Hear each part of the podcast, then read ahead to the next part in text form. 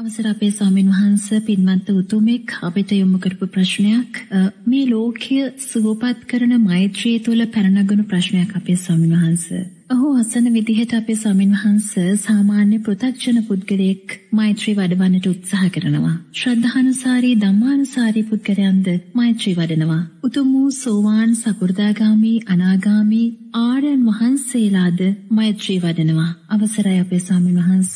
ඔබ වහන්සේගෙන් අසන ලබන ප්‍රශ්නේ වන්නේ මේ සියලු දෙනාගේ මෛත්‍රිය ශක්තිය එක හා සමානද අපේ ස්වාමින් වහන්ස.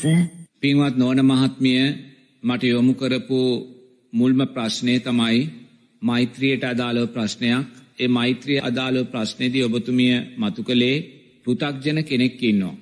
එයත් මෛත්‍රිය වඩනවා. ඒ වගේම සද්ධානුසාරී ධම්මානුසාරී කියන තැන් දෙකේ ඉන්න දෙන්නෙකුත් ඉන්නවා. ඒ අයත් මෛත්‍රිය වඩනවා. ඒ වගේම උතුම් සෝවාන් සකෘදාගාමි අනාගාමි ඵලයන්ට පත් වුණ කෙනෙකුත් ඉන්නවා. ඒ අය මෛත්‍රිය වඩනවා. එතකොට මේ සෑම කෙනෙක්ගේම මෛත්‍රිය තුල එක හා සමාන ශක්තියක් සකස් වෙනවාද කියන කාරණය තමයි ඔබතුමිය ඒ අසන්නියකගේ ප්‍රශ්නයක් ඇසුරෙන් මට යොමු කරපු මුල්ම ප්‍රශ්නය වුණේ. මෙතනදී අපි තේරුම් ගන්න ඕනේ අපි කියමු පෘථග්ජන භාවය තුල ඉන්න කෙනෙක් ඉන්නවා. ඒ කියන්නේ එයා තෙරුවන් කරේ සද්ධාව තියෙන කෙනෙක් නෙමෙයි. මේ කර්මය කර්මඵල විශ්වාසය තියෙන කෙනෙක් නෙමෙයි. එහෙම කෙනෙකුට මෛත්‍රිය වඩන්න පුළුවන්. තේන්නේ? දැන් අපි කියමු ක්‍රිස්තියානි ආගමේ පින්වතෙක් ඉන්නවා. මුස්ලිම් ආගමේ පින්වතෙක් ඉන්නවා. හින්දු ආගමේ පින්වතෙක් ඉන්නවා. ඒ කෙනත් මෛත්‍රිය වඩනවා. සියලු සත්වයෝ සූපත් වේවා කියලා මෛත්‍රිය වඩනවා. නමුත් ඒ මෛත්‍රිය සම්මා මෛත්‍රියක් නෙමෙයි. මොකද ඒ මෛත්‍රිය සම්මාදිට්ඨියෙන් පෝෂණය වෙලා නැහැ. තෙරුවන් කෙරේ සද්ධාාවක් ඒ මෛත්‍රිය තුල නැහැ. කර්මය කර්මඵල විශ්වාසයේ මෛත්‍රිය තුල නැහැ. ඒ නිසා ඒ අන්‍යාගමික පින්වතා සද්ධාවට පැමිණිය නැති පින්වතා වඩන මෛත්‍රිය තුළ ලැබෙන්නා වූ ආනිසංස පක්ෂය අඩු. එක තේරුම් ගන්න ඒ මෛත්‍රිය සම්මා මෛත්‍රියක් බවට පත්වෙන්නේ නැහැ. නමුත් අන්‍යාගමික පින්වතෙකුටත් මෛත්‍රිය වඩන්න පුළුවන්. කිසි ප්‍රශ්නයක් නැහැ. නමුත් ඒ මෛත්‍රිය කවදක්වත් සම්මා මෛත්‍රියක් වෙන්නේ නෑ සම්මා සංකප්පයන් වැඩෙන්නේ නෑ ඒ නිසා මේ මෛත්‍රිය සම්මා සතියක් සම්මා සමාධයක් කරා අරං යන්නේ නෑ ඒ නිසාම අපිව සම්මා විමුක්තියකට මාර්ගය කියන්නේ නැහැ. නමුත් අන්‍යාගමික පින්වතාටත් මෛත්‍රිය ජීවිතයට එකතු කරගන්න පුළුවන්. ඒ වගේම ඊළඟට ඔබ මතක් කළා සද්ධානුසාරී ධම්මානුසාරී දෙන්නා ගැන. එතකොට සද්ධානුසාරී ධම්මානුසාරී දෙන්නාත් මෛත්‍රිය වඩනවා. සද්ධානුසාරී ධම්මානුසාරී දෙන්නාගේ මෛත්‍රිය සම්මාධිට්්‍යයෙන් පෝෂණය වව මෛත්‍රිය. තියන්න. සම්මා සංකප පෝෂණය වෙන්න වු මෛත්‍රිය. එතොට ඒ මෛත්‍රිය නිරේතුරුවම සීලේ ශක්තිමත් කරනවා. ඒ ශක්තිමත් කරන සීලය අපි දක්ෂණං අපිට පුළුවන් සම්මා වායාමයන් සම්මා සති සම්මා සමාධියන් දිසාවට අරගයන්. ඒ මෛත්‍රිය ඔහු දක්ෂණම් පුළුවන් උතුම් සෝවාන් පලය කරාරංයන්. එතකොට සද්ධානුසාරී ධම්මානුසාරී දෙන්නාගේ මෛත්‍රිය තුළ සම්මාධිත්‍යය පෝෂණය වෙනවා සම්මා සංකප්ප පෝෂණය වෙනවා එනිසායේ මෛත්‍රිය සම්මා මෛත්‍රියක් බවට පත්වෙනවා. ඒ මෛත්‍රියයට පුළුවන් විදර්ශනා නුවන කරා ඔබව අරංයන්. එතොට එනම් බලන්න අන්‍යාගමික පින්වතා වඩන මෛත්‍රිය කවදක්වත් සම්මා සමාධියකට යොමු කරන්නේ නැහැ. සම්මා විමුක්තියකට යොමු කරන්නේ නැහැ මොකද ඒ මෛත්‍රිය සම්මාධිට්‍යයෙන් පෝෂණය වුණේ නැහැ. නමුත් මෛත්‍රිය වැඩෙනවා. මෛත්‍රියට අදාළ ආනිසංස වැඩෙනවා. මරණාසන්න මොහොතේ ඒ අන්‍යාගමක පින්වතාට පුළුවන් වුණොත් සියලු සත්‍යයෝ සුවපත් වේවා කියල දෑස්පියාගන්න අනිවාර්යම සුන්දර මනුස්ස දිව ජීවිතයකට යන්න පුළුවන් අන්‍යාගමික හරි දිවජීවිතයකට යන්න පුළුවන් බැරිකමක් නැහැ. නමුත් සද්ධානුසාරී ධම්මානුසාරී දෙන්න ඊට වඩා පියවරක් ඉදිරියෙන් ඉන්නවා. එයාගේ මෛත්‍රිය සම්මාධිත්‍යයෙන් පෝෂණය වුණ මෛත්‍රිය. කර්මය කර්මඵල විශ්වාසයෙන් පෝෂණය වුණ මෛත්‍රිය. එයා දන්නවා මෛත්‍රී ආනිසංස මොනවාද කියලා. එයා දන්නවා මෛත්‍රී ආනිසංසය කොළහක් තියෙනවා කියලා. එයා දන්නවා මෛත්‍රිය වඩන කෙනාට දෙවියන් මනුස්සේ නමනුෂ්‍යයෙන් ප්‍රිය වෙනවා කියලා. එයා දන්නවා මෛත්‍රිය වඩන කෙනා සුවසේ නින්දයනවා සුවසේ ඇහැරෙනවා නපුරුහීන පේන්නේ නැහැ කියලා. එතොට එයා ඒ ආනිසංස පක්ෂය දකමිනොයි මෛත්‍රිය වඩන්න. කර්මය කර්මඵල විශ්වාසය ඇති කරගෙනුයි මෛත්‍රී වඩන්න. ඒ නිසා මෙයාගේ මෛත්‍රිය සම්මා සංකප්පයක් වෙනවා. ඒ සම්මා සංකප්ප එයාට සීලේ ශක්තියට එයා වරන් යනවා. ඒ සීලේ ශක්තියාව සමාධිය ශක්තියට අරං යනවා. ඒ සමාධී ශක්තියාව විදර්ශනාවේ ශක්තියට රංයනවා. එනම් සද්ධානුසාරී දම්මානුසාරී දෙන්නාගේ මෛත්‍රිය අන්‍යාගමික පින්වතාගේ මෛත්‍රියත් අතර පරතරය අපි එතනින් දකින්න ඕන. ඒ ප්‍රශ්නයට යොමු කළ අනිත් කාරණය තමයි විදර්ශනා නුවන ඇති කරගත්ත. පංච උපාදානස්කන්දය අනිත්‍ය භාවය දැක්ක සෝවාන් සකෘදාගාමි අනාගාමී උත්තමයාගේ මෛත්‍රියක සේද කියන කාරණය. එතකොට මාර්ගඵලලාබී පින්වතාගේ කියන සෝවාන් පලට පත්වෙච්ච පින්වතා තුළින් ඉහලට විදර්ශනාව අවබෝධ කරපු පින්වතා තුළ මෛත්‍රිය වැඩෙන්නේ ඉන්ද්‍රිය ධර්මයක් හැටියට නෙමේ. දැන් සද්ධානුසාරී ධම්මානුසාරී දෙන්නාගේ මෛත්‍රිය වැඩෙන්නේ ඉන්ද්‍රිය ධර්මයන් පෝෂණය කරමි. නමුත් සෝවාන් පලට පත් වන පින්වතා තුළ මෛත්‍රිය වැඩෙන්නේ බලධර්මයන් පෝෂණය කරමි. සද්ධාව විදර්ශනාත්මකෝ පෝෂණය කරමි. වීර්ය විදර්ශනාත්මකෝ පෝෂණය කරමි. සතිය විදර්ශනාත්මකෝ පෝෂණය කරමි. සමාධිය ප්‍රඥාව විදර්ශනාත්මකෝ පෝෂණය කරමින් තමයි සෝවාන් සකුරුදාගාමි අනාගාමී උත්තමයා තුළ මෛත්‍රී සංඥාව වැඩෙන. එනිසා විදර්ශනාමය නුවන ඇති කරගත් අවබෝධාත්මක නුවන ඇති කරගත්ත සෝවාන් උත්තමයා මෛත්‍රිය වඩද්දේ. එයා විදර්ශනාත්මක සම්මාධිට්්‍යයෙන් විදර්ශනාත්මක සම්මා සංකප්පයන්ගෙන් තමයාගේ මෛත්‍රයා පෝෂණය කර ගන්න. ඒ නිසා මෙයා දකිනවා මෛත්‍රී ආනිසන්සේ කොළහයා දකිනවා. නමුත් ඒ මෛත්‍රී ආනිසන්සේ කොළහම එයා ඒ මොහොතේම අනිත්‍ය වූ සංස්කාරයන් හැටිට දකිනවා. එයා ඒ මෛත්‍රී ආනිසංසට බැඳෙන්නේ නැහැ. එයා නිරේතුරුව මෛත්‍රී ආනිසංස පක්ෂයන්ගේ අනිත්‍ය භාවය දකිමිනුයි එයා මෛත්‍රිය තුළ ජීවත්වෙන්. ඒ නිසා මෙයා තුළ මෛත්‍රිය බලධර්මයක් හැටියට යුණ ඇති කරගත්තා වූේ කැන උතුම් සෝවාන් සකෘදාගාමි අනාගාමී පලයන් තුළ මෛත්‍රිය වඩන කෙනා දක්ෂයි නිරේතුරුවම සුවපත් වේවා කෙන අර්ථය සීපත් වෙද්දී. අනිත්‍යයි කෙන අර්ථයෙන් එක පෝෂණය කරන්න. සුවපත් වේවා කියන අර්ථය සීපත් වෙද්දී. ඒ සිත ඒ සුවපත් වේවා කියල සිතුවා වූ සිත. ඒ සිතට මුල්ලුනා වූ අධ්‍යාත්මික බාහිර රූපයන් ඒ මොහොතේම දම්මානු පස්සනාවෙන්ම පිරිසිදු කළදාන්න. ඒ මෛත්‍රී චිත්තේ වැඩුණු හිත සියලු සත්‍යයෝ සුවපත් වේවා කියල සකස් වුන හිත ඒ මොහොතේම චිත්තානු පස්සනාවෙන් පිරිසිදු කරගන්න.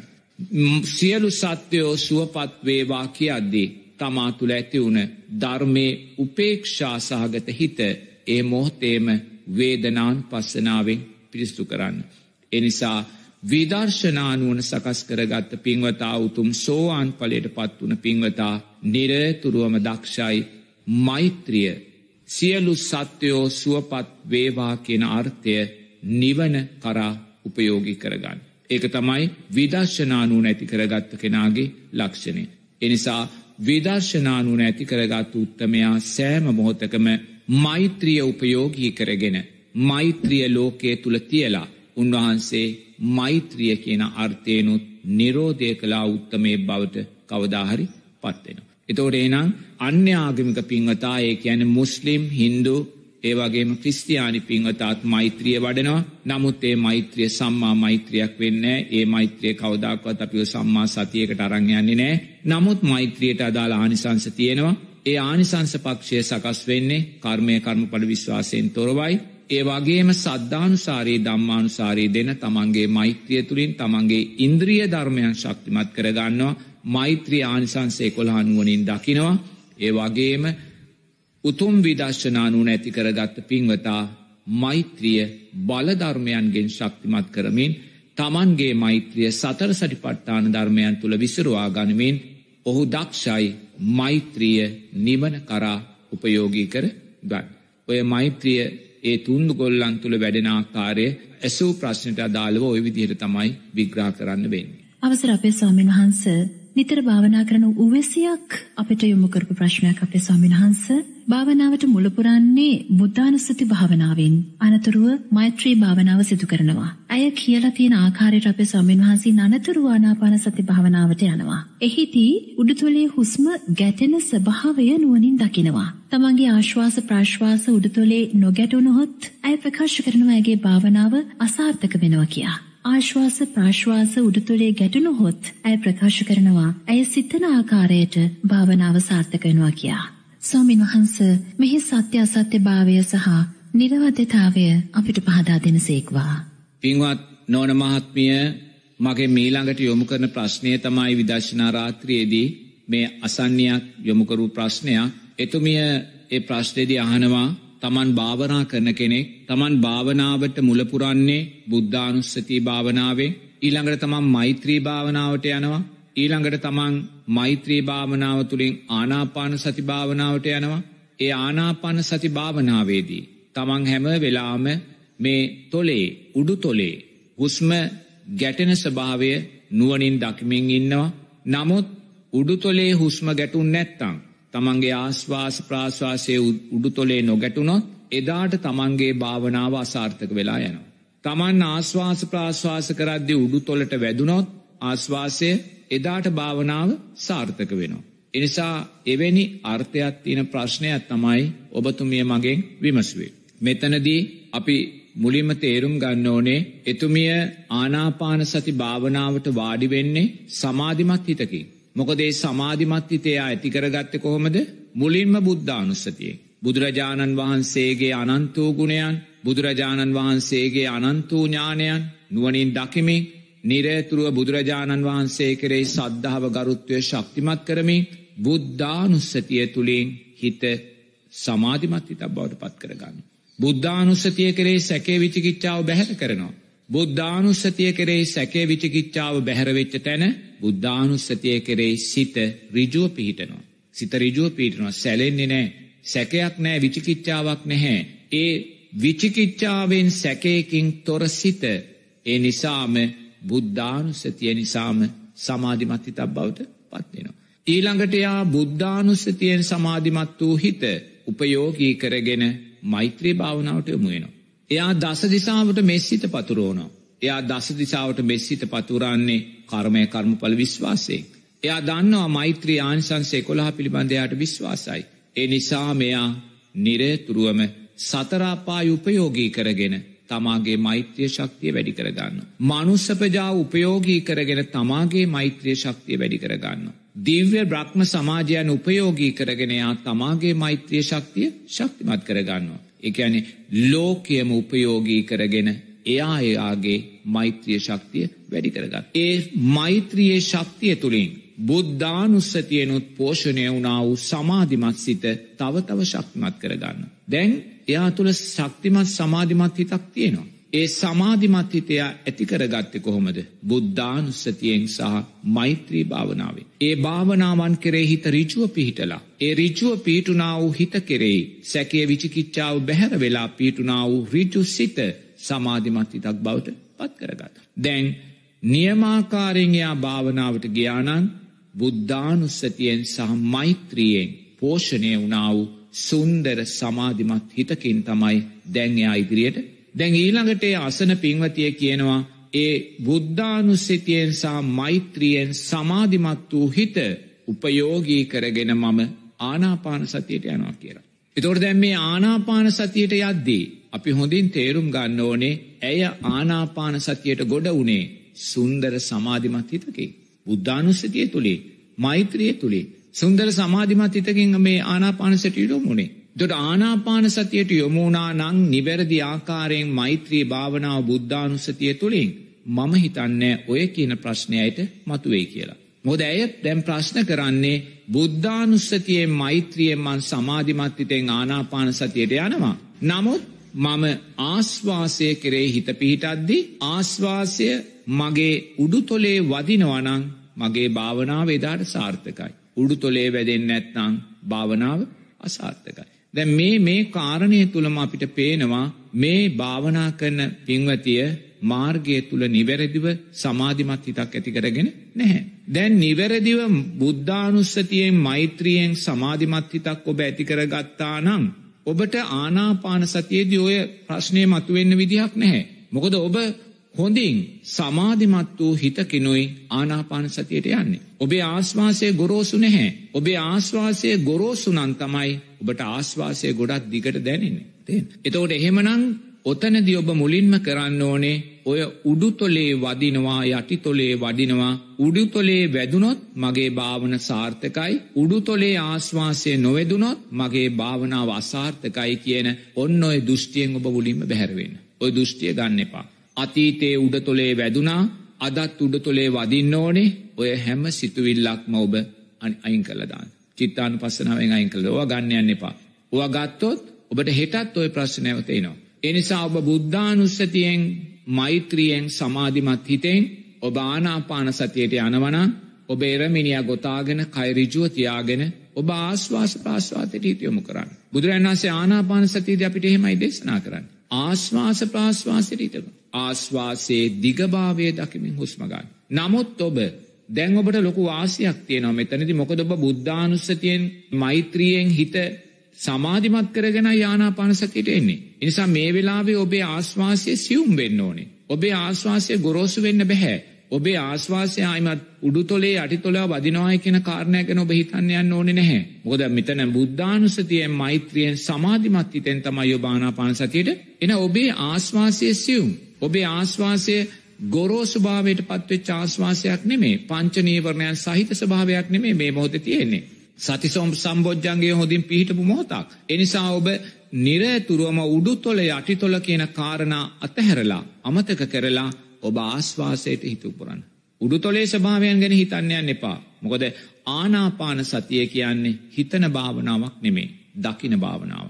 ආනාපන සති භාවනාවේදී හිතීම තහනම්. හිතනවා කියන්නේ විචාර විතර්ක. අපි ආනාපාන සතියෙන් විතර්ක විචාරයන් නිරෝධය කරන්න වූ ගමනත් තමයි අපි යන්නයන්. එනිසා ආනාපාන සතියේදී හිතීම තහනන් දැකීම පමණයි ඔබ කුමක්ද දකින්නේ ආශ්වාස ප්‍රාශ්වාසය තුළ සිදුවෙන ස්භාවේ. ස්භාවිකෝ සිදුවෙන ආශ්වාස ප්‍රාශ්වාසය. එනම් මුලින් ඔබ උඩුතොල කියන කාරණය අයින් කරන්න උඩුතොල පිළිබඳ මතකයක්වත් ඔබ ගන්න අවශ්‍යනෑ ආශ්වාස ප්‍රාශ්වාසයට හිතියොමු කරන්න බුද්ධානුස්සතියෙන් මෛත්‍රියෙන් සමාධිමත් වූ හිතක් තියෙන ඔබේ ආශ්වාස් ප්‍රාශ්වාස රැල්ල ගොරෝසු නෑසියුම් එනිසා ඔබ ආශ්වාසයට දැන් හිතරුම් කරන්න. කයිරිජුවතියාගෙන ආශ්වාස ප්‍රාශ්වාසයට හිතයොමු කරද්දී ඔබට දැනේ මුලින් ආශ්වාසයේ දිගභාවයක්. ඒ දිගභාවය වදින තැන හිතන්න යන්න එපා. හිතුවොත් තවතා විතාර විචර්කම තමයි වැටිවෙන්නේ. තේන හිතන්න යන්න එපා දකින්න ආශ්වාසය දිගයි. දිගභාවය දකිමින්ින්. දිගභාවය දකිමින්ින්. දිගභාවය දකිමින් දකිමින් ඉන්නකොට ඒ දිගභාවය සියුම් වෙනවා. සියුම් වෙලා ආශ්වාසයේ කෙටිභාවය සකස් වෙන. ඔබ ඒ කෙටිභාවය දකිමින් ඉන්න. වදින තැන දැනෙන තැන හිතන්න යන්න එපා හිතුවොත් විචාර විතර කායිමත් එනවා. වට කවදක්වත් ධ්‍යානගත සමාධියකට යන්න පැහැ. ඊළඟට දැන් ඔබ ආශ්වාසය කෙටිභාවය දකිමින් ඉන්න. ආශ්වාසය කෙටිභාවය සුරන් රැල්ලට විතරයි වදින තැන් හොයන්න යන්න එපා. ආශ්වාසයේ කෙටිභාවය දකිමින්ගින්. දැන් ආශ්වාසයේ දිගභාවය දකිමින් හිටිය. ක්‍රමාණුකූලු ආශ්වාසය කෙටිවෙනවා කෙටිභාවය දකිමින් ඉන්නවා හිතන්නේ නෑ දකිනවා විතරයි කුමද්ද ආශ්වාස ප්‍රාශ්වාසය තුළ සිද්ධ වෙන්න කියලා. එය ආශ්වාසයේ කෙටිභාවය දකිමින් ඉද්දී. එයාට නාසයෙන් ආශ්වාස ප්‍රාශ්වාසය නොදැනී යන තැනට එනවා. නාසයෙන් ආශ්වාස ප්‍රාශ්වාසය නොදැනී අද්දේ එයා දකිනවා සියුම් ආශ්වාස ප්‍රාශ්වාස කයක් මේ උදරය තුළ ක්‍රියාත්මක වෙනවා. මෙයා උදරය තුළ ක්‍රියාත්මක වනේ ආශ්වාස ප්‍රාශ්වාස කය දෙස බලාමින් ඉන්නවා. කුමක්ද මේ උදරය තුළ ක්‍රියාත්මක වෙන ආශ්වාස ප්‍රාශ්වාසයේ ස්භාවේ. ඒ ආශ්වාස් පාශ්වාසයේ ස්භාවේ දකිමින් එයා ඉන්නවා. දැන් එයාට නාසයෙන් ආශ්වාස ප්‍රාශ්වාසයක් අරමුණු වෙන්නේ නැහැ. එයාට අරමුණු වෙන්නේ උදරය හරහා ක්‍රියාත්මක වෙන සියුම් ආශ්වාස ප්‍රාශ්වාස රැල්ලක්. ඒ ආශ්වාස පාශ්වාස රැල්ල එයා දකිමින් ජීවත්වෙනවා. එම දකිමින් ජීවත්වෙද්දි දැන් එයාගේ ආශ්වාස ප්‍රාශ්වාසය තව තව තව තව තව තව සියුම් වෙන. දැන්යාට උදරය තුළ ක්‍රියාත්මකයන බොහෝම සියුම් ආශ්වාස පාශ්වාස රැල්ලක් අරමුණ වෙනවා. එයා ඒ ආශ්වාස පාශ්වාස රැල්ල දෙස දකිමින් ජීවත්වෙන. දකිමින් ජීවත්වෙන. ඒ ආශ්වාස ප්‍රාශ්වාස රැල්ල දෙක දකිමින් ජීවත්වේදී ආශ්වාස ප්‍රාශ්වාසයට ක්‍රියල් වෙන මේ උදරය තුළ ඒ තරම් ආශ්වාසයේ සියුම් බවට පත් කරනවා ඒ ආශ්වාසයේ සියුම් බවට පත් කරලා ඒ සියුම් මාශ්වාසය දකිමින් එද්දී එයා තුළ ප්‍රීතිය සකස් වෙන. ශරීරය ප්‍රීතිමත් වෙන. මොකද ශරීරය ඒසා පංචනීවරණයන් තුනි වෙලා තියන පංචනීවරයන් සම්පූර්ණය තුනී කරලා තියෙන. විචාර විතර්ක සම්පූර්ණයම තුනී කරලා තියෙන. ඒ නිසාම ආශ්වාස ප්‍රාශ්වාසයම ඒ සියුම් වෙන්නා වූ ආශ්වාස ප්‍රාශ්වාසයම ප්‍රීතිය බවට පත් කරනවා. ප්‍රීතිය ඒ ආශ්වාස ප්‍රාශ්වාසයම තමයි ප්‍රීතිය බවට පත් කරන්න. එතකොට එයායේ ආශ්වාස ප්‍රාශ්වාසයක් සියුම් ආශ්වාස ප්‍රාශ්වාසයක් ඒ වගේම ප්‍රීතියක් දකිමින් ජීවත්වෙනවා.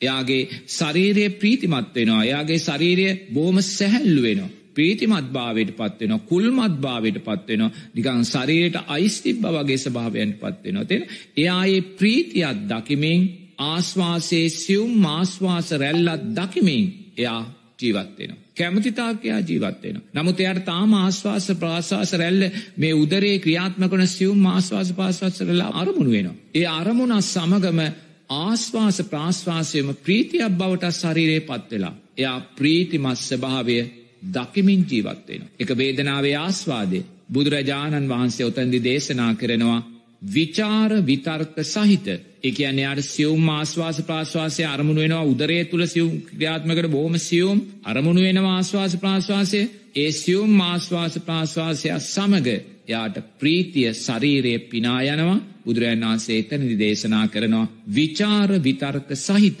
ප්‍රීතිය සහිත පලවෙනි ධ්‍යාන තලයයි කියලා. පළවෙනි ධ්‍යාන තලය හොඳ තේරුම් ගන්න ඕනේ. ඒකට පළවෙනි ධ්‍යාන තලය මේ ස්වභාවය මොකද්ද? නාසයෙන් ආස්වාස ප්‍රාස්වාස අරමුණු වීමක් නැහැ. උදරය හරහා ක්‍රියාත්මකුණ අර ආශ්වාස ප්‍රාශ්වාසයේ සියුම් වෙලා සියුම් වෙලා මේ උදරය තුළ මුළු ගැන්නුනා වූ සියුම් ආශ්වාසයක් එයාට දැනෙනවා. ඒ කියන්නේ විචාර විතර්ක එයාට තාම තියෙනවා ආශ්වාසය ගැන. ඒ වගේම ප්‍රීතියත් එයා මතු කර ගන්නවා. අන්න එයා විචාර විතර්ක සහිත ප්‍රීතිය ඇති පළවෙනි ධ්‍යාන තලයට එයා පත් වෙනවා. අන්න පළවෙනි ධ්‍යාන තලය කියලා බුදුරජාණන් වහන්සේ සූත්‍රගත ධර්මයේදී දේශනා කළා තියෙනවා. එතකොට දැන් ඔබ සූත්‍රගත ධර්මයට අදාළව ආනාපාන සතිය වඩලා පළවෙනි ධ්‍යාන තලයට ඔබට එන්න අවශ්‍ය නම් ඔන්න බුදුරජාන් වහන්සේ ඔබට මාර්ගය කිය. මේ මම කියන මාර්ගයක් මේ බුදුරජාන් වහන්සේ සූත්‍රගත ධර්මය කියන මාර්ගය. දොර ඒ මාර්ගයේ පළවෙනි ධ්‍යානය කියන්නේ මොකද්ද? ආශ්වාස ප්‍රාශ්වාසයේ ගොරෝසු ආශ්වාස ප්‍රාශ්වාසයේ නාසයෙන් දැනෙන්නේ නැහැ. උදරය හරහා ක්‍රියාත්මකනේ දිග ආශ්වාසයත් සියුම් කරලා සියුම් කරලා උදරයේ සියුම් ආශ්වාස ප්‍රාශ්වාස රැල්ල කියන තැනට ගෙනල්ලා ඒ ආශ්වාස ප්‍රාශ්වාස රැල්ලත් දකිමින් ශරීරය තුළ මතුවෙන්න වූ ප්‍රීතියක් දකිමින් පසුවෙන්න වූ පළවෙනි ධ්‍යාන තලය විචාර විතර්ක සහිත ප්‍රීතිය සහිත පළවෙනි ධ්‍යාන තලය. දැන්යා පළවෙනි ධ්‍යාන තලයේ කැමති තාක්කල් ජීවත්වෙනවා. ඒක එයාගේ කැමැත්ත. ඒ කැමති තාක්කල් එයා ජීවත්වෙද්දි එයා ප්‍රීතිය දකිමින් ප්‍රීතිය දකිමින් ප්‍රීතිය දකිමින් තව තව ජීවත්වෙද්දි එයාට ආස්වාස රැල්ලේ සියුම් ස්වභාවයක් මැකිලයනවා. දැන් එයාට ආශ්වාස අරමුණක් වෙන්නේ නැහැ. ආශ්වාසය අරමුණක් වෙන්නේ නැහැ. එයාට කොතනකවත් ආශ්වාසයක් අරමුණ. නමුත් එයා හොයන්න යන්නේ නැහැ. මොකක්ද උනේ කියලා හොයන්න යන්නේ නැහැ. දැන් උදරයේ ආශ්වාසය තියෙනවද කියලා හොයන්න ගියොත් හිතන්න ගියොත් ආයිමත් ਵਿਚාර විතර්ක වලට එනවා. කුමක්ද වෙන්නේ වෙන දේ දකිමින් එයා ජීවත් වෙනවා. මෙච්චර වෙලා ආශ්වාසය සියුම් වෙලා සියුම් වෙලා සියුම්ම උදරය තුල ක්‍රියාත්මක කරන රැල්ලට ආවා. දැන් පළවෙනි ධ්‍යාන තලෙන් පස්සේ මොකද වෙන්නේ? එයාටේ සියුම් ආස්වාස ප්‍රාශ්වාස රැල්ල මැකිලයනවා. අරමුණු වෙන්නේ.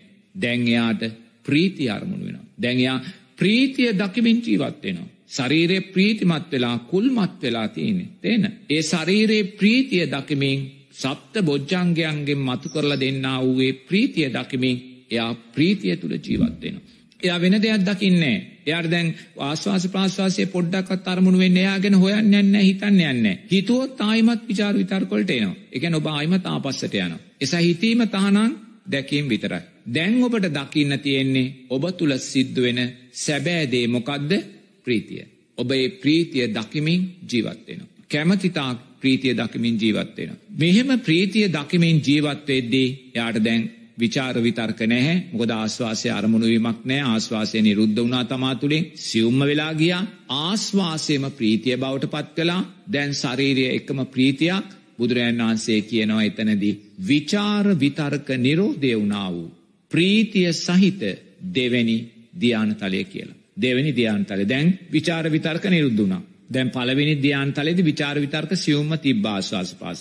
දෙවැනි දිව්‍යාන් තලයේදී විචාර විතර්ක නිරෝධය වූ නිරුද්ධ වූ ඒ වගේම ප්‍රීතිය සහිත දෙවැනි ධ්‍යාන තලය කියලා බුදුරජාණන් වහන්සේ දේශනා කරනවා. ඊළඟට දැන්යා කැමති තාක්කල් ප්‍රීතිය තුළ ජීවත් වෙනවා. දැන් එයාට ආශ්වාස ප්‍රාශ්වාසය පිළිබඳ කිසිම ප්‍රශ්නයක් නැහැ. ඒ ගැන කිසිම තැකීමක් නැහැ. යාට ඒවා නිරුද්ධ වෙලා තියෙන්නේ. එයා ප්‍රීතිය තුළ සුවසේ ජීවත් වෙද්දී, ඒ කියන්නේ දෙවෙනි ධානය තලයේ තුල එයා ජීවත් වෙද්දී බුදුරජාණන් වහන්සේ කැමැතිතාක් ප්‍රීතිය තුල ජීවත් වෙද්දී එයා තුල සැපය මතුවෙනවා කියනවා. සැපේ කියන්නේ මොකද්ද? පස්සද්ධිය. සැහැල්ලුව, සැහැල්ලුව. දැන් අතනදී ප්‍රීතියේදී ශරීරය පිනා ගියා, කුල්මත් වුණා. තව තවත් තව තවත් ජීවිතයේ සප්තබොජ්ජංගයන් වැඩිලා දැන් එයා පස්සද්ධිය කියන තැනට එනවා. පස්සද්ධිය. ප්‍රීතිය ප්‍රීතිය සැපයක් බවට එයා තුල පත් වෙනවා. එයා ඒ සැපය දකිමින් ජීවත් වෙනවා. ඒ කියන්නේ සැහැල්ලුව, ධර්මයේ සැහැල්ලුව පස්සද්ධිය. ඒ පස්සද්ධිය දකිමින් එයා ජීවත් වෙනවා. දැන් මම මෙහෙම කිව්වහම කෙනෙකුට ප්‍රශ්නයක් වෙන්නත් පුළුවන්. මොකද කෙලෙස් සහිත ආශ්වාස ප්‍රාශ්වාසයේ ගොරෝසු පංච නීවරණයන් බර වෙච්ච යම් පිංගතෙකුට මේ ධර්මය ප්‍රශ්නයක් වෙන්න පුළුවන්. මොකද මං ඕන තරම් අහලා තියෙනවා අපේ රටේ විශේෂයෙන්ම උගත් අය සම්මාදිට්ඨිය දුර්වල සද්ධාව දුර්වල උගත් අය හාස්‍යයෙන් කතා කරනවා. අතීතයේ රහතන් වහන්සේලා එර්දියෙන් ගියා කියන කාරණේ අමූලික බොරුවක්. අතීතයේ බුදුරජාණන් වහන්සේ එර්දියෙන් ගමන් කලා කියන කාරණය අමෝලික බොරුවක්. මේ රූපය කෙසේ නං උත්සන්නද කියලා හාස්‍යයෙන් කතා කරන අවස්ථා අපි දැකලා තියෙනවා. නමුත් ඊට හේතුව උතුම් බුදුරජාණන් වහන්සේවත් රහතන් වහන්සේලාවත් නෙමේ තමාගේ කර්මය කර්මඵල විශ්වාසය සමාගේ සම්මාධිට්්‍යය දුර්වලභාවය. එනිසා මෙවැනි ප්‍රකාශ කිරීම නිසා. එකැන කෙසේ නම් මේ රූපය උත්සන්නද මේවා බොරු කතා මෙවැනි කතාවලට ඔබ සම්බන්ධ වනොත්. මෙවැනි කතා ඔබ විශ්වාස කළොත් ඔබත් මිත්‍යා දෘෂ්ටිය දිසාවට ගමන් කරනවා. ඒ නිසා පංච නීවරණයන්ගෙන් බරවෙච්ච අරක්කුවලින් මත්වතුරවලින් මත්වෙච්ච සද්ධාවෙන් දුර්වල වෙච්ච සම්මාධිට්‍යයක් නැති පින්වතුල්ලා කෙසේ නම් සමාධියක සුවයක් දකින්නද. ආශ්වාස ප්‍රාශ්වාසය ගොරෝසු කළුගලක් වගේ ගොරෝසු. එවැනි අය කවදක්වත් සියව් මාශ්වාස ප්‍රාශ්වාසයක් තමන් තුළ දැකළ නෑ. ඒ ගොරෝසු ආශ්වාස ප්‍රාශ්වාසය නිසාම පංච නීවරණයන් නිසාම කයත් ඒගොල්ලන්ගේ ගොරෝසු. ඒගොල්ලන්ට හිතෙනවා අනේ මේකය කෙසේනම් උත්සන්නද කියලා. ඒගොල්ලන්ට ඒක හාස්‍යයක්. ඒගොල්ලන්ට ඒක විහිළුවක්. මොකද ඒ රූපය හැමදාම බර මහපොළොවටයි. තේන්න සතර පායටයි. ඒ රූපය සතරාපායට ඇදගෙන යන රූපයක්. මොකද ඒගොල මිත්‍යා දෘෂ්ටිය තුළ ඉන්නේ. ඒගොලො බුදුරජාණන් වහන්සේගේ එර්දිමත් භාවය රහතන් වහන්සේලාගේ එර්දිමත් භාවය පිළිගන්න කැමති නැහැ. ඒ නිසාම ඒගොල්ලො මහපොළොව දිසාවටයි ඇදගෙන යන්න. නිරය දිසාවටයි ඇදගෙන යන්න. එනිසා ඒගොලන්ට හාස්‍යයක්. අතීත රහතන් වහන්සේලා කය එසෙව්වා කියන කාරණයගොලන්ට අහස්සයක්. නමුත් බුදුරජාණන් වහන්සේ සූත්‍රගත ධර්මයේදි බොහොම පැහැදිලිව දේශනා කරනවා. කෙසේද එර්දිමත් භාවය ඇති කරගන්න කියලා. බුදුරජාණන් වහන්සේ දේශනා කරනවා කය සිත තුළ බහා තබන්න. සිත කය තුළ බහා තබන්න. එකන මේ රූපය සැහැල්ලු කරන්න. සිත කය තුළ බහා තබන්න. කය සිත තුළ බහා තබන්න. මේ රූපය සැහැල්ලු කරන්න. ඒ සැහැල්ලු කිරීමේදී රූපය නිතතිම්ම ඉහලට එස වෙනවා කියලා.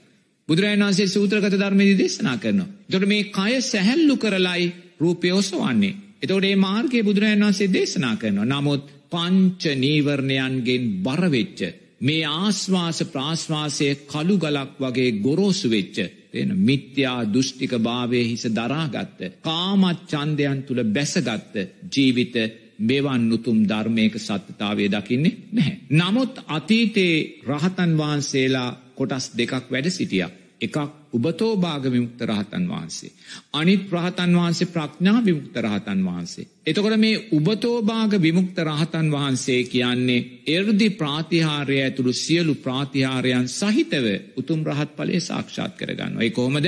උන්වහන්සේලා පළවෙනි දෙවෙනි තුන්වෙනි හතරවෙනි රූපාවචර ධ්‍යාන සමවලට සම්වදිනවා. රූපාවචර ධ්‍යානවලින් අරූපාවචර ධ්‍යානවලට සමවදිනවා. ඒ රූපාවචර අරූපාවචර ධ්‍යානයන් ශක්තියෙන් සමග උන්වහන්සේලා ඒ ධ්‍යාන ශක්තිය සතර සටිපට්ඨානයන් තුල විසිරෝල දැකලා ධ්‍යාන ශක්තියින්ගේ අනිත්‍යභාවය දකිමින් ධ්‍යාන ශක්තියින් සහිතව තමයි උතුම් චතුරාර්ය සත්‍ය අවබෝධ කරන්නේ. ඒ ඔබතෝ භාගමුක්ත රහතන් වහන්සේ. ඒතකොට උන්වහන්සේට පුළුවන් එර්දියෙන් ගමන් කරන්න අනුන්ගේ හිත් දකින්න මේ සියලු කාරණා උන්වහන්සේ. මොකද උන්වහන්සේලා කය සියුම් කිරීමේ ශාස්ත්‍රය ජීවිතයට දරාගෙනයි උතුම් රහත් පලය කරාගේ. නමුත් ප්‍රඥාවිමුක්ත රහතන් වහන්සේගේ ස්භාවීට වඩා වෙනස්. එතොට ප්‍රඥාවිමුක්ත රහතන් වහන්සේ අවබෝධ කරලා තියෙන පංචු උපාදානස්කන්දය අනිත්‍යය කෙන ධර්මතාවය විතරයි. උන්වහන්සේ ධ්‍යානගත සමාධියකට හිත පුහුණු කල්ලා නැහැ උන්වහන්සේ රූපාවචර අරූපාවචර ධ්‍යාන කෙරේ තුෂ්නාවක් උන්වහන්සේට තිබ්බේ. එනිසා උන්වහන්සේ ධ්‍යානගත සමාධීන්ට නොයා උන්වහන්සේ ආර්යෂ්ඨාංගික මාර්ගයෙන් සම්මා සමාධිමත් හිත උපයෝගී කරගෙන අන්න උන්වහන්සේ පංච උපාදානස්කන්දේ අනිත්‍යභාවය දැකලා උතුම් චතුරාර් සත්‍යයන් අවබෝධ කලා ඒ ප්‍රඥාවිත රහතන්. තුර උන්වහන්සේට එර්දි ප්‍රාතිහාරය පෑමේ හැකියාවක් උන්වහන්සේට නැහැ. එතවට මේ හේතුන් දෙක සකස් වෙන්නත් බලපාන ධර්මතාවයක් තියෙනවා. මොකක්දේ ධර්මතාවය. උබතෝ භාග විමුක්ත රහතන් වහන්සේ කියන්නේ පෙර සංසාරයේ. එර්දියෙන් යන රහතන් වහන්සේලා දැකලා මේ ආශ්චර්යයන් දක්වන රහතන් වහන්සේලා දැකලා මමත් සම්මා සම්බුද්ධ ශාසනයක එර්දිමත් රහතන් වහන්සේ කෙනෙක් වෙනවා රූපාවචර අරූපාවචර ධ්‍යාන සහිතරහතන් වහන්සේ කෙනෙක් වෙනවා කියලා තුෂ්නාවෙන් ඇතිකර ගත්තාව උපාදානය ඊට අදාළව ධර්මතාවයන් සපුරල තමයි උන්වහන්සේලා රහත් වෙන වෙලාවේ ඒ උතුම් ධර්මතාවයන් උන්වහන්සේලාට දැනීම සකස් වෙන්නේ දැනීම ඇතිකර ගන්න. නමුත් ප්‍රඥාවිමුක්ත රහතන් වහන්සේ කියන ඊට වඩා වෙනස් කෙනෙක්. උන්වහන්සේ අතීතයේ ප්‍රඥාභිමුක්ත රහතන් වහන්සේලා දැකලා උන්වහන්සේලා තුෂ්නාවෙන් උපාදානයක් ඇතිකරගන්නවා මමත් යම් සම්මා සම්බුද්ධ ශාසනයක රහත් පලයට පත්වෙන්නේ ප්‍රඥාභිමුක්ත රහතන් වහන්සේ කෙනෙ අන්න රහතන් වහන්සේලා දෙදෙනගේ අතීත තුෂ්නාපච්චයා උපාදානන් කෙන ධර්මතාවය තුළ හැඩගැවුණේ ඔන්න ඔය කාකාරය. ඒ නිසා සෑම රහතන් වහන්සේ ක්‍රමකටම මේ එර්දිහා ප්‍රාතිහාරය පෑමේ ශක්තිය නැහැ ඒක උන්වහන්සේලාගේ අතීත තුෂ්නාපච්චයා උපාදානන් කියන ධර්මතාවයන් තුළ සිද්ධ වුණාව ධර්මතාවය. එතකොට අනිවාර්යෙන්ම අපි දක්ෂ වෙන්න ඕනේ උබතෝභාග විමුක්ත රහතන් වහන්සේ කෙනෙක්. තමන්ගේ රූපය ඉහලට ඔසවන්න මේ ධ්‍යානගත සමාධිය තුළින්. එතැන්දි බුදුරජාණන් වහන්සේ දේශනා කරනවා මේ සිත කය තුළ බහා තබන්න. කය සිත තුළ බහා තබන්න. ඒ සැහැල්ලුවෙන්න්න වූ රූපය නිතැතිම්ම අහසට එස වෙනවා කියලා. මෙන මාර්ගය කියනවා. නමුත් මේ මාර්ගය කෙනෙක් හාස්‍යයට ලක් කරනවා කියන්නේ ඔහු පංච නීවරණයන්ගෙන් කළු ගලා. ඔහුගේ රූපය එසවෙනවා තබා ඔහුගේ රූපය බර මහපොළොවටයි සතරාපායටයි. එවැනි කෙනෙක් රූපය එසවෙනවා කියෙන කාරණය මිත්‍යාවක් හැටියටයි. නමුත් ආනාපාන සතිය තුළින් දැම්මං ඔබ අරංආව පලවෙනි දියානෙට.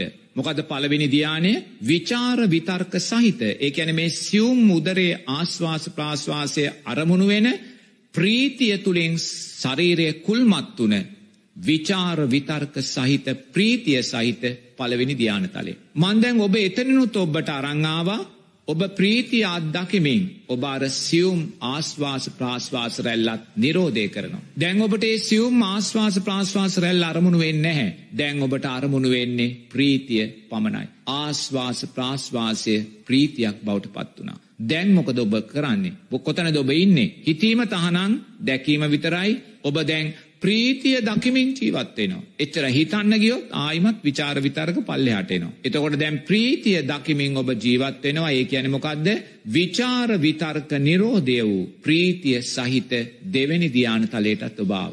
දැන් ඔබ මං එතනුන් ඉස්සරහට අරංගියා ඔබ ඒ ප්‍රීතිය කැමතිතාක් දකිමින් ඔබ සැපේ මතු කරගන්න. සැපේ කියන පස් අද්දිය සැහැල්ලුව අර එසවීමට අදාළ ධර්මතාවය. ඔබ ප්‍රීතියත් ප්‍රස්සද්ධිය සැපයක් තුළ දැන් ජීවත්වෙනවා. දැන් ආශ්වාස ප්‍රාශ්වාසය පිතිබ කිසිම ගැටලුවක් ප්‍රශ්නයක් නෑ. මේ ආශ්වාස ප්‍රාශ්වාස කයමයි ඔබ ප්‍රීතියක් පස්සද්ධයක් බවට පත් කරගන්න. දැන් මුල් අවස්ථාවේදී ඔබ පළවෙනි ධ්‍යානතලයට එන අවස්ථාවේදී ඔබ හොඳින්ම ඔබේ මේ මස්කයත් ආශ්වාස ප්‍රාශ්වාසකයත් වෙන්කොට දකිනවා. හොඳට තේරුම් ගන්න ඒක පළවෙනි ධ්‍යාන තලයේදී ඒ ධ්‍යාන තලයට එන ගමනේදී ඔබට පුළුවන් සුන්දරව දකින්න ආශ්වාස ප්‍රාශ්වාසකය වෙනමත් මස්කය වෙනමත් ඔබට නුවනින් දකින්න පුළුවන්. ඒ දෙක වෙන්ව දකින්න පුළුවන් ඒ දෙක වෙන් කරලා අපිට පළවෙනි ධ්‍යාන තලයට එන ගමනේදී අපිට හොඳින් පෙන්වෙනවා. නමුත් දැන් ආශ්වාසය නිරුද්ධ වුණා දෙවෙනි ධ්‍යාන තලයේ ප්‍රීතිය දකිමින් ජීවත් වුණා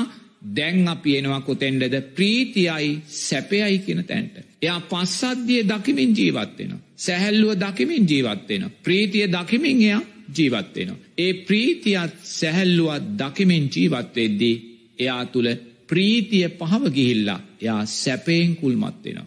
එයාගේ ජීවිතය පස්සද්ධියට පත්වෙනවා. සැහැල්ලුවට පත්වෙනවා. එයා සැහැල්ලුව තුළේ සැපය තුළ කැමති තාක්කල් දැන් ජීවත්වෙනවා. කැමති තාක්කල් දැන්යා ජීවත්වෙනවා. ඒ කැමති තාක්කල් ජීවත්වෙද්දි සැපය වගේ මෙයාට ප්‍රීතියක් මතු කොල්ල දකින්න පුළුවන් ඒ ප්‍රීතියයි සැපයයි දෙක තුළ මෙයා ජීවත්වෙද්දී බුදුරජාණන් වහන්සේ දේශනා කරනවා විචාර විතර්ක නිරෝධය වූ ප්‍රීතිය සැපය සහිත තුන්වෙනි ධ්‍යානතලයයි කියලා. දැ මේ සියල්ලම දකිමින් ජීවත්වෙන හිතීම තහනං දකිමින් දැ මෙතන දයා ප්‍රීතියක් දකිනවා සැපයක් දකිනවා. එයා ප්‍රීතිය තුළින් සැපය මතු කරගන්නවා. ඒ ප්‍රීතියම සැපයක් බවට ඒබිලායි පත්වෙනවා. එතවට එතනදී බුදුරජාණන් වහන්සේ දේශනා කරනවා විචාර විතර්ක නිරෝධය වෙච්ච. ප්‍රීතිය සැපය සහිත තුන්වෙනි ධ්‍යාන තලයටයා පත් වනා කියලා. එතන දයා දක්ෂයි අවශ්‍යනං ප්‍රීතියත් යටපත් කළ සැපේ තුළට ජීවිතය ගන්න. පස්සද්ධිය තුළටම ජීවිතය ගන්න එයා දක්ෂයි. ඒක දකිමින් ජීවත්වෙන්න එයා දක්ෂයි. එතවට කැමති තාක්කල්ලයා තුන්වෙනි ධ්‍යාන තලයේදී පස්සද්ධිය තුළ සැපය තුළ ජීවත් වෙලා. සැහැල්ලුව තිල ජීවත් වෙලා. කය උඩට එසවෙන ස්භාවට මට්ටමට පත් කලේ කය එසවෙන්න මංකිවන කය එසවෙන්න නම් ඊට අදාළ සංස්කාර තියෙන් ඕන කියලා ඊට අදාළ සංස්කාර දුර්වලනම් කයක් එසවෙන්න නැහැ. නමුත් ඊට අදාළ සංස්කාර තිබ්බනං ඒ මොහොතේයාට පුළුවන් කය උඩට ඔස්සන්න. බුදුරජන් වහන්සේගේ සූත්‍රගත ධර්මයට අදාළව හදි මටේ අත්දැකීම් නැහැ බුදුරජන් වහන්සේගේ සූත්‍රකට ධර්මයට අදාළව මම මේ දර්ශනයෙන් දේශනා කරන්නේ. එතකොට එනම් තුන්වෙනි ධ්‍යාන තලයට අපි ආවා තුන්වෙනි ධ්‍යාන තලය මොකද්ද? විචාර විතර්ක නිරෝධය වුණා වූ ප්‍රීතියත් නිරුද්ධ කලා වූ සැපය කියන තැන එයා ඉන්නවා තුන්වෙනි ධ්‍යාන තලය. සැපේ කියන තැන සැහැල්ලුව. ඒ සැහැල්ලුව අපිට අත්විඳින්න නම් ඇත්තටම අපි පෙර සංසාරයේ පුහුණු කලා වූ ඒ උතුම් සංස්කාරයන් අපේ ජීවිතවල තියෙන්නවා. ඒ සංස්කාරයන් අපිට නැත්තං ඇත්තට මෙවැනි සැපයක් කර අපිට යන්න බැහැ. නමුත් මාර්ගයේ බුදුරජන් වන්සේ සුන්දරව අපිට දේශනා කළ. එතවට අපි දැන් තුන්වෙනි ධ්‍යාන තලය වන සැපය තුළ කැමති තාක්කල් අපි ජීවත් වෙලා. ඊළඟට බුදුරජාණන් වහන්සේ දේශනා කරනවා ඒ සැපේ දකිමින් ජීවත්වෙන්න. ඒ සැපේ දකිමින් යා ජීවත්වෙන මුළු ශරීරම සැපයෙන් පිනා ගිල්ලතින පස්සද්ධියෙන් පිනා ගිල්ලතින්. ඒ පස්සද්ධිය දකිමින් එයා ජීවත් වෙනවා හිතන්නේ නෑ දැන් ප්‍රීතියට මොකක්ද වනේ දැන් ආශ්වාසයට මොකක්දුනේ හිතුවොත් ආයිමත් විචාර විතර්කොල්ට හිත ඇවිල්ල ඔබ ආයිමත් ආපස්සට යන. එනිසා සැපය දකිමින් ඔබ කැමතිතා ජීවත්වෙනවා. බුදුරජාන් වහන්සේ කියනවා ඒ සැපය දකිමින් ඔබ කැමතිතාක් ජීවත්වෙද්දී ඔබේ සිත උපේක්ෂාව බවට පත්වෙනවා. එකැන විචාර විතර්ක ප්‍රීති සැප නිරෝධය වුණා වූ උපේක්ෂාව බවට ඔබේ ඒ උපේක්ෂාව කියන තැන බුදුරජාන් වහන්සේ හඳුනන්නේ එයාගේ සැපයක් එයාට නිරුද්ධ වෙලා. සැපය අරමුණෙන් එයාගේ හිත බැහැරට ගිහිල්ලා. ප්‍රභාශ්වර ආලෝකයක් එයාගේ මේ නලල් තලයට අරමුණ වෙනවා. දවල් දොළහට ඉර යම්සේ ප්‍රභාශ්වරද එවැනි ප්‍රභාශ්වර ආලෝකය විහිදෙන ආලෝකයක් එයාට මේ නලල් තලයෙන් අරමුණු වෙනවා. එය හතරවෙනි ධ්‍යාන තලය හැටියට ධර්මය සඳහන් වෙනවා. එනිසා හතරවෙනි ධ්‍යානතලය කියන කාරණයේදී අපි හතරවෙනි ධ්‍යානතලය තුළට ආවා කියන කාරණය අපි තුළින් ඔප්පු කරගන්න නම් අනිවාර්යයෙන්ම අපිට විචාර විතර්ක නිරෝධය වෙච්ච ප්‍රීතිය සැපයත් නිරෝධය වෙච්ච අර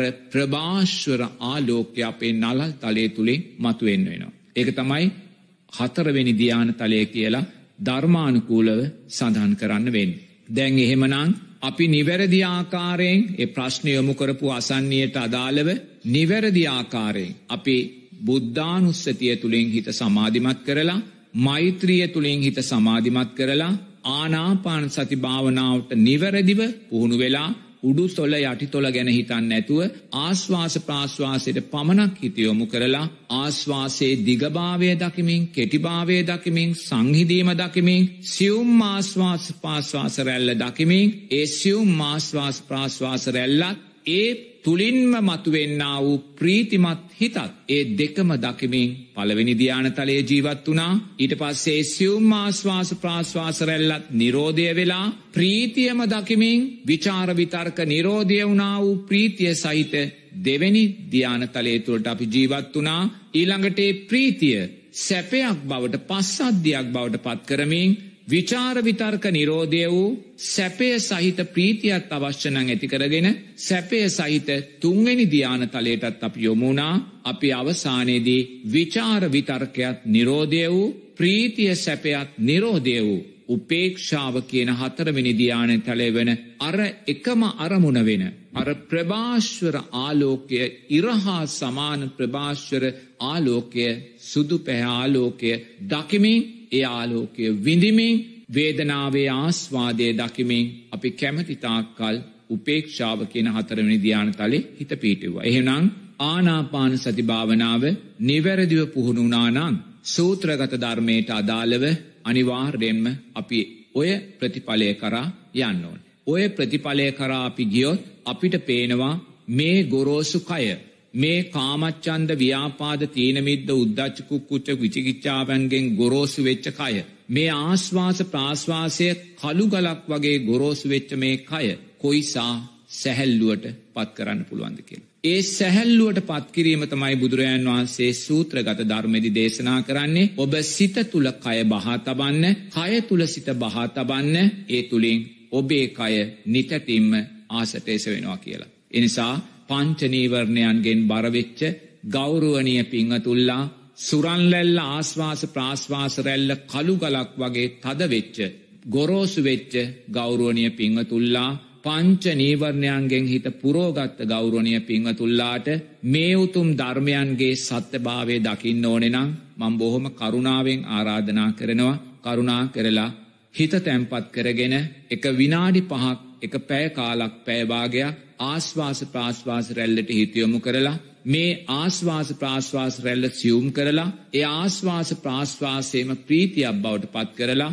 ඒ ප්‍රීතියක් සැපයක් බවට පත් කරගන්න මොහොතක් ඔබටම දැනේවි ඔබේ කයත් ඉහලට යාවි කියලා. නමුත් ඉහලට යන්නේ නෑ. ඇයි? ඊට අදාළ සංස්කාර අපි සංසාරි පුුණු කොල්ලා නැහැ. නමුත් ඊට අදාළ සංස්කාරයන් උබතෝභාග විමුක්ත රහතන් වහන්සේට එරදි ප්‍රාත්‍යාරයට අදාළ සංස්කාර ඔබ පුහුණු කොල්ල තිබ්බන අනිවාර්යම ඔබේ කය උඩට නගිනවා. තේන?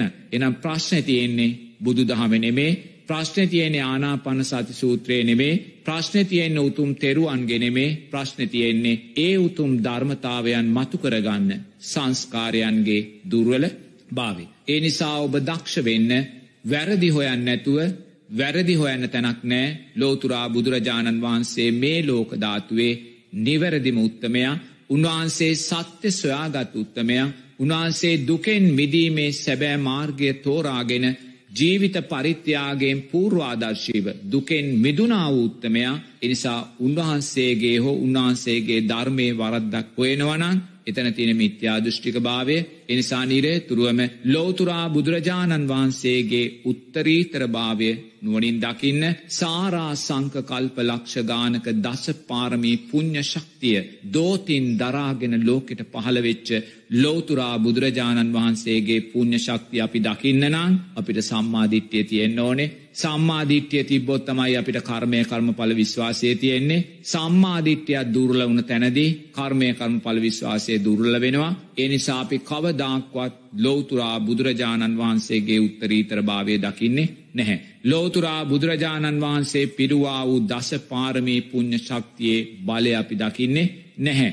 ඒ නිසාම අපි පිළිගන්න කැමතිනෑ මේ කය ඉහලට එසවෙනවායි කියන ධර්මතාවයක් මේ ලෝක ධාතුව තුළ තියෙනවා කියලේ. නිසා බුදුරජාණන් වහන්සේ දේශනා කලා වූ ධර්මය මේ මොහොතේ ජීවමානයි. උතුම් ශාස්තුන් වහන්සේ ජීවමානයි. ඒ ඇන මේ උතුම් ධර්මය ජීවමානයි. මේ උතුම් ධර්මය කැන ශාස්තුන් වහන්සේමයි. එනිසා මේ උතුම් ධර්මය තුළින් ශාස්තුන් වහන්සේ කරේ විශ්වාසය අපි ඇති කරගත්තොත් ඒ විශ්වාසය තුළ ඔබට මේ මොහොතෙත් පුළුවන් ඔබේ මේ ගණරූපය ඔබේ මේ ගන ආශ්වාස ප්‍රාශ්වාසය ඔබේ මේ ගොරෝසු ආශ්වාස ප්‍රාශ්වාසය ගොරෝසු රූපය සියුම් කරලා අනේ මටත් අතීත සංස්කාර තිබ්බන මටත් මේ රූපය ඔසවන්න පුළුවන් කියන ඇත්ත ඔබ තුළින්ම දැකගන්න. සාධූ සාධූ සාධූ. හොඳයි පිංහතුනේ මේ මොහොතේ සිරස ගුවන් යුදලේ ඉදිරියේ වාඩි වෙලා මේ සුන්දර රාත්‍රියයේ විදර්ශනා රාත්‍රිය වැඩසටහන ධර්මසාකච්ඡාව ස්වනය කරපු මොහොතේ අපි පිංහතුල්ලාට බොහොම ගෞරවයෙන් මතක් කරනවා. අද දවස සිංහල බෞද්ධ ජනතාවට ලෝකවාසී බෞද්ධ ජනතාවට බොහොම පුං්ඥවන්ත දවසක් මොකද මේ සම්මා සම්බුද්ධ ශාසනයේ සංඝ සමාජය නියෝජනය කරන සියලූම ගෞරෝණය උපසම්පදා ස්වාමින් වහන්සේලා තමන්ගේ උතුම් වස්කාලය ආරම්භ කිරීමට නියමිත පුරපසලොස්සක පෝය දවසයි අද.